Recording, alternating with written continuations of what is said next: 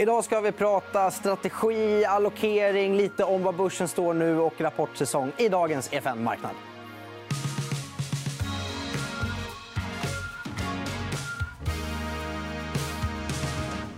Yes, och det ska vi göra med Molly Guggenheimer. Välkommen till studion. Stort tack. Trevligt att vara här. Mm. Eh, och jag tänkte vi skulle börja och prata lite om eh, börsen här och nu innan vi går in och pratar rapporter och annat. Eh, står ganska högt jämfört med ett år sedan. hänt väldigt mycket. Eh, börjar du känna att luften är tunn, som Börspodden-podden har sagt nu i några veckor? Eller vad, vad känner du? Eh, alltså jag är fortfarande optimistisk, men jag skulle inte säga att jag är euforisk på samma sätt som man liksom var under 2020. Så absolut, jag tror det finns en jättestor risk för att vi kan få liksom korrektioner, ganska stora sådana. Men man får vara lite långsiktigare. I alla fall så här, tre till sex månader då tror jag ändå aktier står lite högre. Mm. Och vad är det som gör att du tror det? då? Nej, men jag tror att när man är i en sån återupphållningsfas som vi är nu, där makrodata är extremt stark, vinsterna, som vi ska prata mer om, är också extremt starka, då är det svårt för aktier liksom att, att handlas lägre. Men det är klart att liksom, det mesta av avkastningen den är ju tyvärr bakom oss. Den här mm. återhämtningen i alla fall. Ja, jag har hört dig säga att eh, det här med värderingar det är inte en så bra indikator för att ta reda på vart börsen ska någonstans framöver. Vad, är det du inte gillar med det? Nej, den används mycket i media, men det är faktiskt en av de sämsta indikatorerna man kan använda. Man får i stort sett inget resultat alls om man skulle använda värdering som en framåtblickande indikator på vad börsen ska. Eh, utan då är till exempel makroöverraskningar och eh, starka vinster en mycket bättre indikator för vad börsen ska. Eh, och sen samma sak egentligen, man pratar mycket om positionering och att det är väldigt mycket småsparare som är inne på börsen nu och tar mycket risk också. Men även där, alltså småsparare de är väldigt sällan liksom first movers, de brukar vara second movers.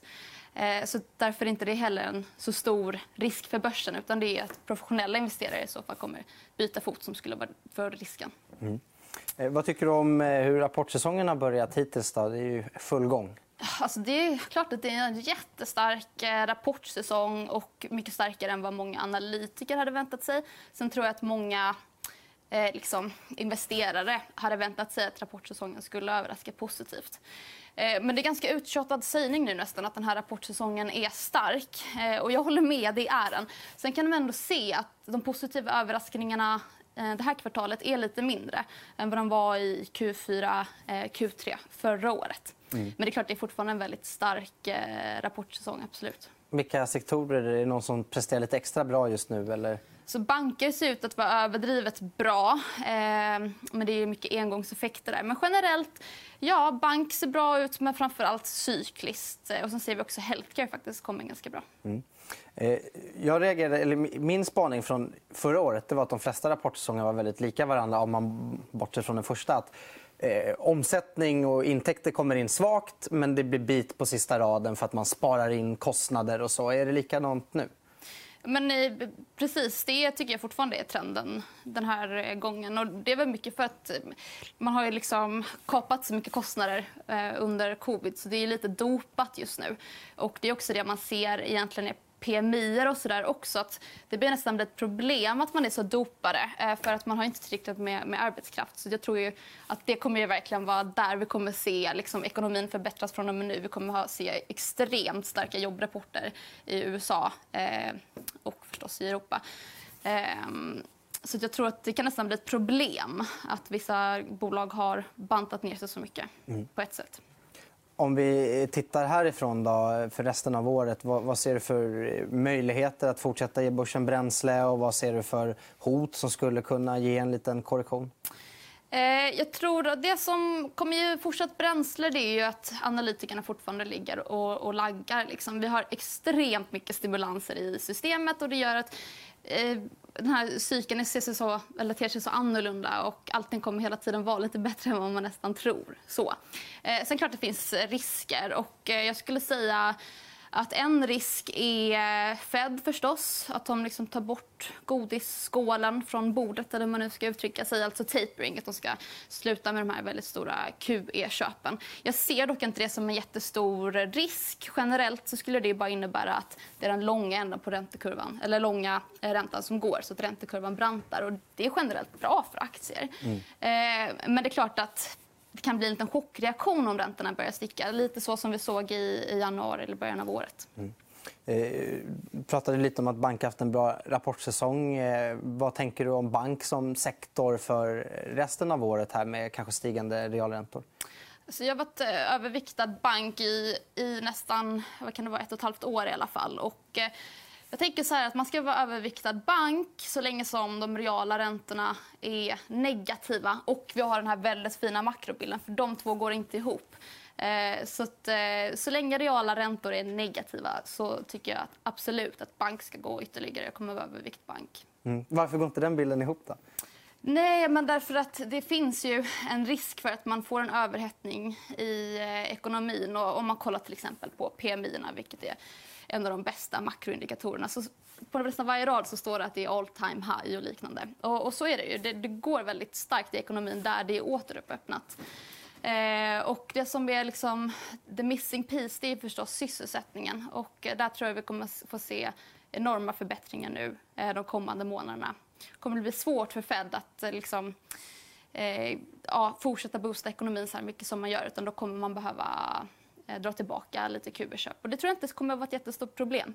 Eh, men när man gör det då kommer de reala räntorna stiga och framförallt då tioåringen kommer stiga. Och det är någonting som bank generellt eh, går på. Mm. Kollar du någonting på inflationen? Är det någonting som skulle kunna skrämma om den blir för stark och att man måste börja eh, kyla ner lite? Eh, det är klart att det är en risk, men det är liksom inte mitt base case. om man säger så. Vi har pratat hur länge som helst om att inflationen är för låg. Nu har vi inflation. Då var inte det bra heller. Nej, men jag tror att det finns väldigt mycket som talar för att inflationen inte ska bli så hög eh, långsiktigt. Vi har mycket motverkande mekanismer som eh, digitalisering och liknande. Mm. Så jag tror inte att det kan bli ett för stort problem. Inte än i alla fall. Och sen, eh, du sitter på en, en referensportfölj med lite bolag. Eh, Eh, finns någon, du gillar ju lite bank som sektor. Någon bank du har där som du gillar?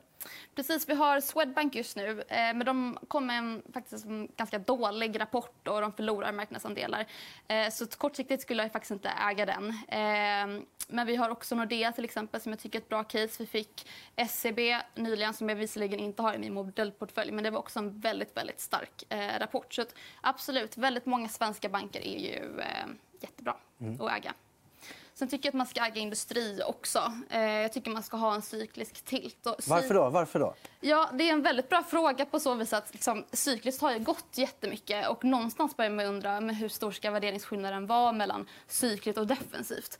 Och det kommer komma en tid, kanske mot sommaren, eh, där man kommer behöva vikta om lite. Eh, men jag tror inte att det är dags än. Och varför? Jo, men jag återkommer igen till ja, men det kanske det är lite uttjatade, men att ekonomiskt, realt i ekonomin, så går det jättebra. Och generellt så är det cykliskt som, eh, som man ska äga. Då.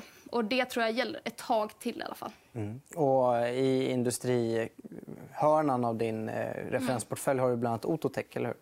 Exakt, det har jag. Och jag har ABB. Jag försöker ha lite mer liksom sencyklisk eh, verkstad istället för tidigt cykliskt. Och eh, det, den förändringen gjorde jag ganska tidigt i modellportföljen. Och det är lite otypiskt givet var vi är i konjunkturcykeln. Men man ser att eh, man är ju ganska underinvesterade numera. Alltså inte minst så har man märkt det med hela halvledarindustrin och mycket insatsvaror. Eh, så jag tror att capex generellt ska få en rejäl boost den här cykeln. Och då behöver man äga lite mer sencyklisk verkstad. Så där tror jag absolut det finns mer att hämta faktiskt, även på lite längre sikt. Eh, Capex måste väl, alltså investeringar måste väl nästan upp för att kunna ta nästa steg i och med att man har snålat så länge nu från bolagen med investeringar, resor etc. Annars börjar väl ekonomin nästan stanna av. Ja, nej men li, lite så. Eh, och jag tror att eh, det är många branscher som ser ett investeringsbehov. Om vi bara tänker liksom det läget som industrierna är i nu. Att det är ett problem att man liksom inte kan skala upp produktionen tillräckligt. Vi har orderna men lagernivåerna är fortfarande jättelåga även om man liksom har produktionen på alla cylindrar. Så jag tror att det är väldigt många bolag som liksom har ambitionen att, att öka capex. Om man kollar i liksom framåtblickande indikatorer som eh, vd-undersökningar eller för den delen PMI så visar det tydliga capex-planer faktiskt mycket tidigare än vad det brukar vara eh, i den här delen av cykeln. Då. Mm. Eh, absolut. Och sen så sa vi ju samma sak eh, 2017-18 vilket inte materialiserades. Så klart det finns en fråga huruvida vi mäter capex fel och liknande. Eh, men jag tror ändå vi bör se liksom, även på data att capex kommer stiga rejält. Mm. Och, eh, om vi stannar lite till vid Ototech, för det har varit mm. lite av en EFN marknadsfavorit. Och jag vet att Martin Nilsson har varit här och pratat sig väldigt varm om det. Eh, förutom att de är, är sencykliska, vad är det något mer som du tycker lockar med, med Ototech? Men jag tror det är mycket, men liksom framför allt att jag tror att mycket i, i liksom gruvindustrin är liksom underinvesterat och det är någonting som eh, det, det, bolaget kommer fortsätta gå på. Mm. Tack så mycket för att du kom hit Molly. Ja, tack själv. Och det var allt vi hade i dagens EFN Marknad. Men vi är såklart tillbaka nästa vecka igen. Då kommer Ilja Batljan. Det vill ni inte missa. Hej då!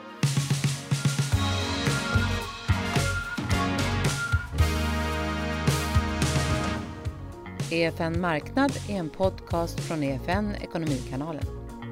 Ansvarig utgivare är Anna Fagerström. EFN finns även som app. Där hittar du alla våra videoinslag som hjälper dig att göra det bästa av din ekonomi. Du hittar appen i App Store och Google Play.